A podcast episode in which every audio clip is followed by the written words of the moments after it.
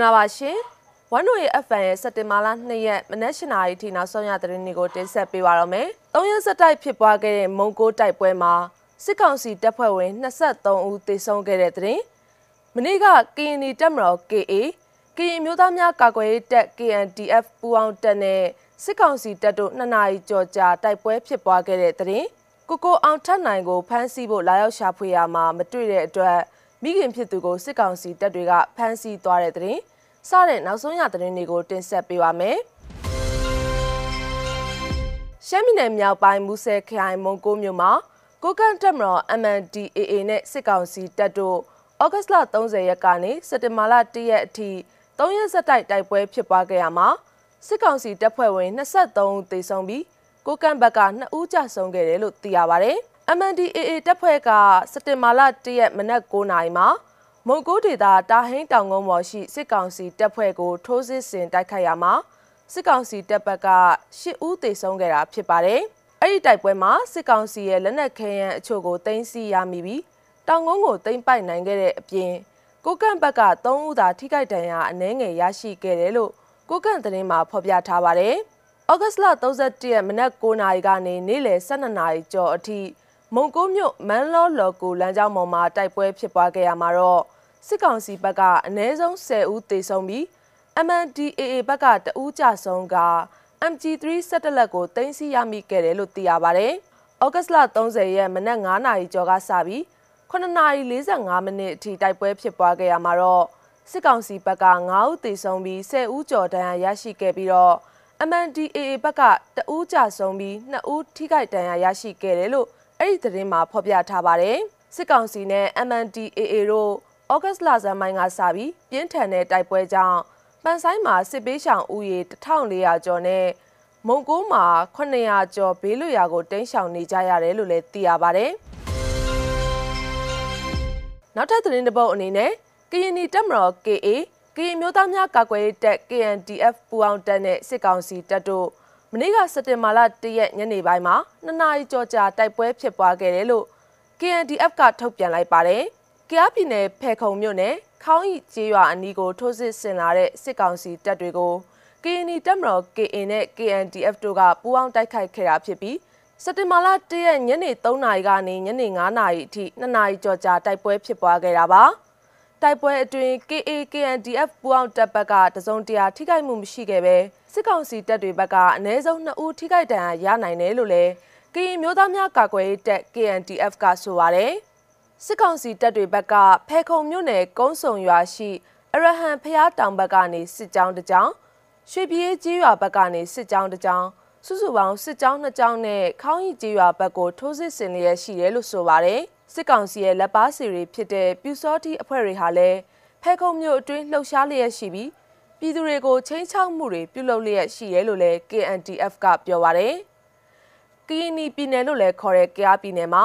ဆီယနာရှင်ကိုစန့်ကျင်တော်လှန်နေတဲ့ဒေသခံလက်နက်ကင်တပ်ဖွဲ့တွေနဲ့စစ်ကောင်စီတပ်တွေအကြားနေ့စဉ်ဆိုသလိုတိုက်ပွဲတွေဖြစ်ပွားနေပြီးစစ်ပေးရှောင်တွေလည်းတိုးလာနေတာပဲဖြစ်ပါတယ်။ ရန်ကုန်မြို့ကမာရွတ်မြို့နယ်လှဲရန်မှာဆီယနာရှင်ကိုစန့်ကျင်ဆန္ဒပြရင်ကြဆုံခဲ့တဲ့ကိုညီညီအောင်ထက်နိုင်ရဲ့အကိုဖြစ်သူကိုစက်တင်ဘာလ၁ရက်မနက်7:00နာရီလောက်မှာစစ်ကောင်စီတပ်ဖွဲ့ဝင်တွေကလာရောက်ဖမ်းဆီးရာမှာမတွေ့တဲ့အတွက်မိခင်ဖြစ်သူကိုဖမ်းဆီးသွားတယ်လို့သိရပါဗျ။အင်အားအလုံးအင်းနဲ့စစ်ကောင်စီတပ်ဖွဲ့ဝင်တွေကညီညီအောင်ထက်နိုင်ရဲ့အမွှာအကိုကိုကိုအောင်ထက်နိုင်ကိုဖမ်းဆီးဖို့ရွှေပြည်သာမြို့နယ်အမှတ်29ရပ်ကွက် လှော်ကားဈေးပိုင်းသူစနာယုံကျောင်းလန်းကနေအိမ်ကိုလာရောက်ချိန်ကိုကိုအောင်ထက်နိုင်အနေနဲ့တင်းရှောင်လိုက်နိုင်တဲ့အတွက်လွတ်မြောက်ခဲ့ပေမဲ့မိခင်ဖြစ်သူဒေါက်ခင်လေးလှိုင်ဖမ်းဆီးခံခဲ့ရတယ်လို့ရက်ွက်နေသူတွေကဘာမာ Associated Press BAP သတင်းကိုပြောပါတယ်စစ်ကောင်စီတပ်ဖွဲ့ဝင်တွေကမိခင်ဖြစ်သူကိုတစားကန်အဖြစ်ဖမ်းဆီးပြီးကိုကိုအောင်ထက်နိုင်ကိုလာရောက်အဖမ်းခံဖို့ဖုန်းနဲ့ဆက်သွယ်ပြီးအကြက်ကင်မှုတွေပြုလုပ်နေတယ်လို့လည်းသိရပါတယ်။ ဘာကြောင့်လက်ဖမ်းလဲတော့မသိပါဘူး။အခုထိတော့ဘာသတင်းမှထပ်မကြားရသေးပါဘူး။စစ်သားတွေရှိနေတော့စုံစမ်းရမလွယ်ဘူးဖြစ်နေတာလို့ရက်ွက်နေသူတဦးကပြောပါတယ်။အသက်23နှစ်အရွယ်ကိုညီညီအောင်ထက်နိုင်ဟာဖေဖော်ဝါရီလ28ရက်နေ့ကလဲရန်မှာဆန္ဒပြနေချိန်စစ်ကောင်စီတပ်ဖွဲ့ဝင်တဦးရဲ့ပြစ်ခတ်မှုကြောင့်ဝမ်းပိုက်မှာကြီးစံထိမှန်ပြီးကြဆုံခဲ့ရတာဖြစ်ပါတယ်။အဲဒီလိုကြီးစံမှန်ထားချိန်မိခင်နဲ့ဖုံးပြောဆိုခဲ့ပြီးတဲ့နောက်ကြဆုံခဲ့တာလည်းဖြစ်ပါတယ်။ သူကြာဆုံးခဲ့တဲ့ကမာရွတ်မြို့နယ်အထက်က9ကျောင်းရှိကိုအမေရိကန်တန်ယုံကလွမ်းသူပန်းခွေလာချခဲ့တယ်လို့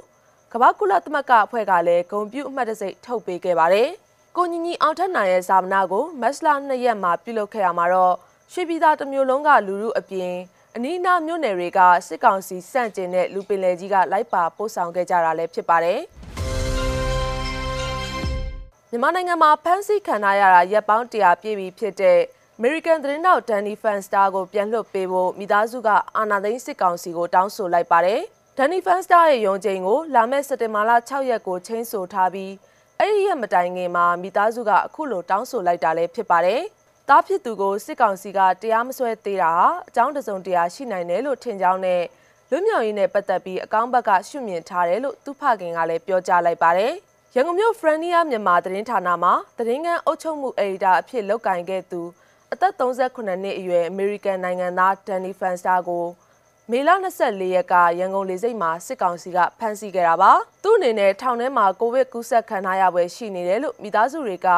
အမေရိကန်သတင်းတောက်တွေကိုဗီဒီယိုကွန်ဖရင့်ကနေတဆင့်ပြောတဲ့အကြောင်း AFP သတင်းမှာဖော်ပြထားပါတယ်မိသားစုတွေအနေနဲ့ဩဂတ်စ်လ10ရက်နေ့ကဖန်စတာကိုနောက်ဆုံးအကြိမ်တယ်လီဖုန်းနဲ့စကားပြောခွင့်ရခဲ့ပြီးအဲ့ဒီအချိန်ကသူဟာအနံ့ပြောက်တာ အရသာမခံစားရတာတွေဖြစ်နေတယ်လို့မိခင်ဖြစ်သူကပြောပါရယ်။သားဖြစ်သူနဲ့အဆက်အသွယ်ရဖို့လဲအတော်ခဲရင်အကန့်အသတ်များနေပြီးရန်ကုန်အခြေစိုက်အမေရိကန်တန်ယုံနဲ့သူလွတ်မြောက်ရေးဆောင်ရွက်နေတဲ့ပုံကိုယ်တွေတောင်တွေ့ခွင့်မရဘူးလို့လဲဆိုပါရယ်။နိုင်ငံတကာဘက်မှာတော့သီရိလင်္ကာနိုင်ငံမှာရှားအောင်ရှားပါစင်လင်းနှကောင်အမှားဘူးမွေးတဲ့အကြောင်းကိုလည်းဆက်လက်ပြောပြချင်ပါတယ်။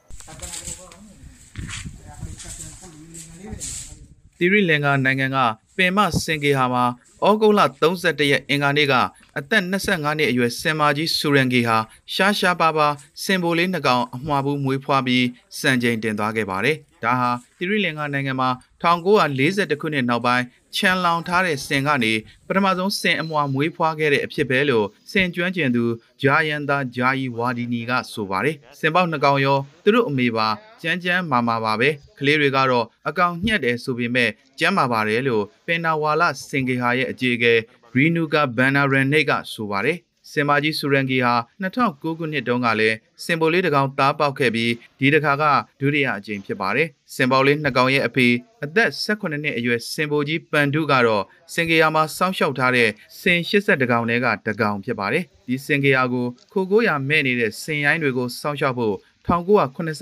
နှစ်မှာတည်ထောင်ခဲ့တာဖြစ်ကြောင်းသိရှိရပါတယ်။